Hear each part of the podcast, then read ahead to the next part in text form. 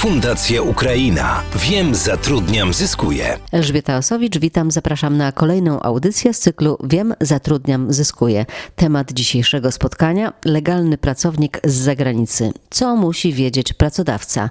Nasi goście opowiedzą o tym, jakie są zalecenia i jak wygląda praktyka, na co powinien też zwrócić uwagę cudzoziemiec planujący podjęcie pracy w Polsce. Nazywam się Natalia Myskowa, jestem dyrektorem rynków zagranicznych firmy Sunpros Energy, która należy do grupy Impel. I w Polsce, we Wrocławiu zajmuje się Pani?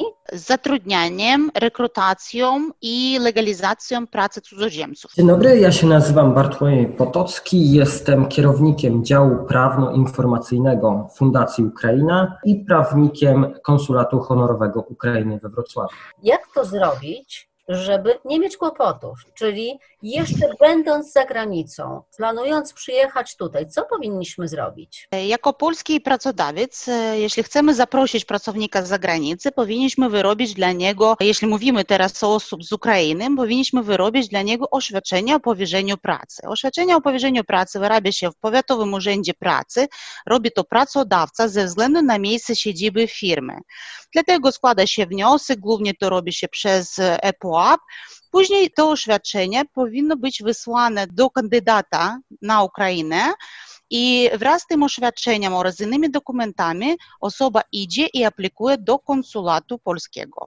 Panie Bartku, czy to nie jest sytuacja idealna przypadkiem? Jak wygląda praktyka? To jest sytuacja idealna. W praktyce jednak jest pewien problem, bo z jednej strony, kiedy mamy osobę, która pierwszy raz chce podjąć pracę w Polsce, to pracodawca nie zna bardzo często tej osoby, a wyrabia się zezwolenie lub oświadczenie na konkretnego pracownika. Z drugiej strony ten cudzoziemiec nie zna pracodawcy i tutaj też jest niebezpieczeństwo. Dlatego warto korzystać chociażby z agencji pracy tymczasowej, które są faktycznie sprawdzone przez ministerstwo prawda? I tutaj właśnie należy też odróżniać agencję pracy tymczasowej od agencji pośrednictwa pracy, które są bardzo podobne w nazwie, natomiast agencje pośrednictwa pracy to są zwykłe firmy, które mogą powstawać, zamykać się, nie są objęte żadnymi regulacjami.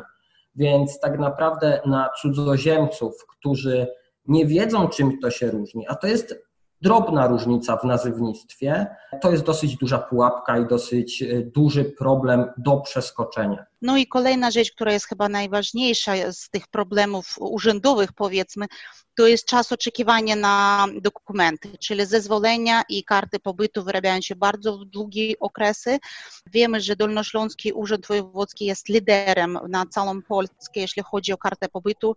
Przykroczono nawet już rok, średnia rok oczekiwania, mimo że w ustawie jest wpisano 30 dni z możliwością przedłużenia jeszcze o kolejne 30 dni w razie trudnej sytuacji. Wiele osób też przyjeżdża po prostu w ciemno. Mamy tak zwany ruch bezwizowy czyli na podstawie samego paszportu biometrycznego osoba może przyjechać krótkoterminowo na obszar krajów strefy Schengen. To w takim przypadku ta osoba faktycznie może przyjechać, powiedzieć jestem i zacząć szukać na przykład pracy.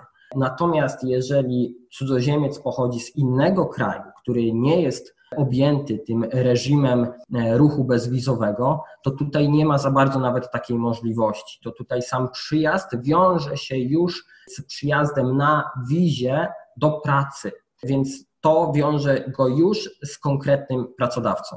Inna sprawa to ubezpieczenie. Każdy porządny pracodawca ubezpiecza swoich pracowników, ale wiemy, że nie wszyscy. Jeżeli chodzi o ubezpieczenia, z tym faktycznie jest problem. Cudzoziemiec, który przyjeżdża do pracy sezonowej, chce po prostu zarobić jak najwięcej. Nie chce odprowadzać składek, więc tutaj czasami zdarzają się takie sytuacje. One nie są nagminne, one nie są częste, jednak większość cudzoziemców naprawdę, e, naprawdę tutaj stara się odprowadzać składki. Pracodawcy też tego pilnują ale zdarzają się takie sytuacje. Najczęściej niestety dowiadujemy się o nich, kiedy dochodzi właśnie do jakichś wypadków, kiedy szpital wystawia rachunek. Dokładnie tak i trzeba pamiętać o tym, że wtedy te rachunki e, nie są niskie. To są rachunki, które wynoszą kilkanaście, kilkadziesiąt tysięcy złotych. Musimy sobie pamiętać, że najbezpieczniejszą formą stosunku pracy jest umowa o pracę. Tam, gdzie pracodawca nie ma żadnego wyboru, czy to jest cudzoziemiec, czy to nie jest cudzoziemiec,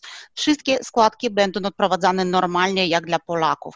I wtedy nie mamy żadnego kłopotu, żadnego problemu. Problemy powstają tam, gdzie chce i pracodawca, i pracownik zaoszczędzić, zarobić jak najwięcej, wydać jak najmniej i tak dalej. Czyli w tych przypadkach, kiedy wchodzi się w umowę zlecenie, można nie odprowadzać dobrowolnej składki chorobowej, to faktycznie. Natomiast trzeba jeszcze pamiętać o tym, że każdy cudzoziemiec jeszcze przed przyjazdem, przekroczeniem granicy Polski powinien być też ubezpieczony i to Straż Graniczna bada. Ale czasem to jest takie ubezpieczenie, które pokrywa w bardzo niewielkim stopniu koszty leczenia, jeśli dojdzie do wypadku. Różnie to bywa, są nawet śmierci pracowników i jeśli osoba była ubezpieczona, to jej będzie pokryto nawet e, transport e, ciała. Jeśli to ubezpieczenie jest i jest ono ważne, to ono jest bardzo pomocne we, w różnych sytuacjach. W czym jeszcze może pracodawca pomóc e, Trochę nie zna tego terenu, jest nowy. Teraz już jest absolutnie normalnie nie tylko zamawianie pracowników, a zamawianie takiej usługi jak onboarding pracowników z zagranicy, czyli takie całkowite, kompleksowe wsparcie pracodawcy i pracowników w płynnym wdrażaniu, gdzie nie mówimy tylko o tym, że powinny być na papierach umowy dwujęzyczne, bo to już chyba wiadomy fakt.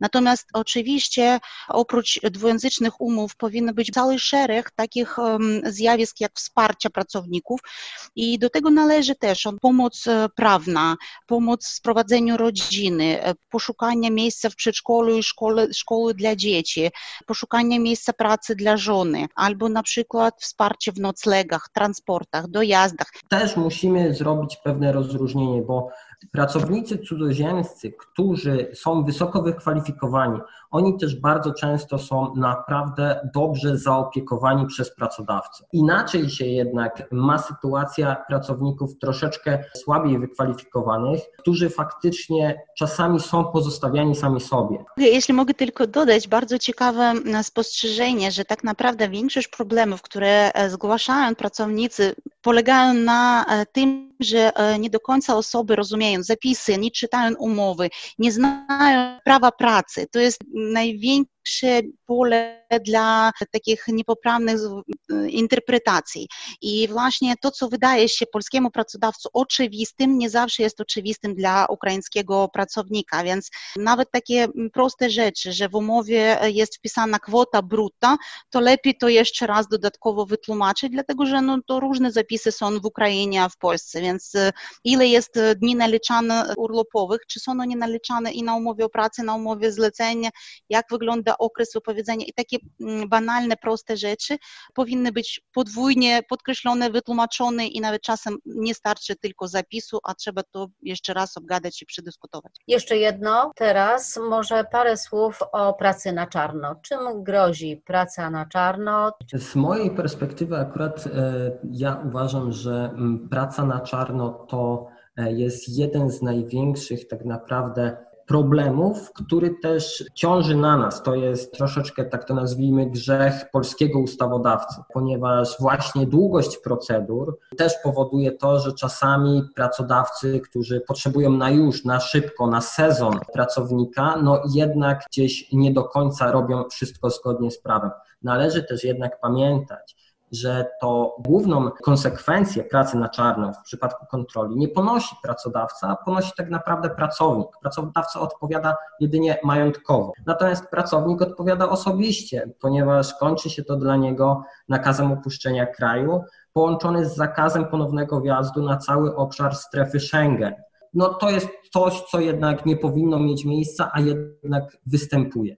Y, ja tylko dodam, że oprócz tego, że mm, istnieje taka praca na czarno, czasem mówimy jeszcze, a praca na szaro, czy to jest tak półlegalna, czy da się być w ciąży trochę tak, trochę nie, no to mniej więcej tak to wygląda, czyli to jest zero-jedynkowo. Jeśli pracownik pracuje 180 powiedzmy godzin i dostaje na konto za 30 tam, czy za 50 godzin, a pozostale pod stołem, to dalej jest praca na czarno, czyli nie istnieje czegoś takiego, że półlegalnie, albo legalnie, albo nie. Audycja została zrealizowana w ramach projektu Integracja, Adaptacja, Akceptacja. Wsparcie obywateli państw trzecich zamieszkałych na Dolnym Śląsku, współfinansowanego z Programu Krajowego Azylu, Migracji i Integracji oraz budżetu państwa. Bezpieczna przystań, wyłączna odpowiedzialność za wyrażone opinie spoczywa na autorze i Komisja Europejska oraz Ministerstwo Spraw Wewnętrznych i Administracji nie ponoszą odpowiedzialności za sposób wykorzystania udostępnionych informacji. Fundacja Ukraina. Wiem, zatrudniam, zyskuję.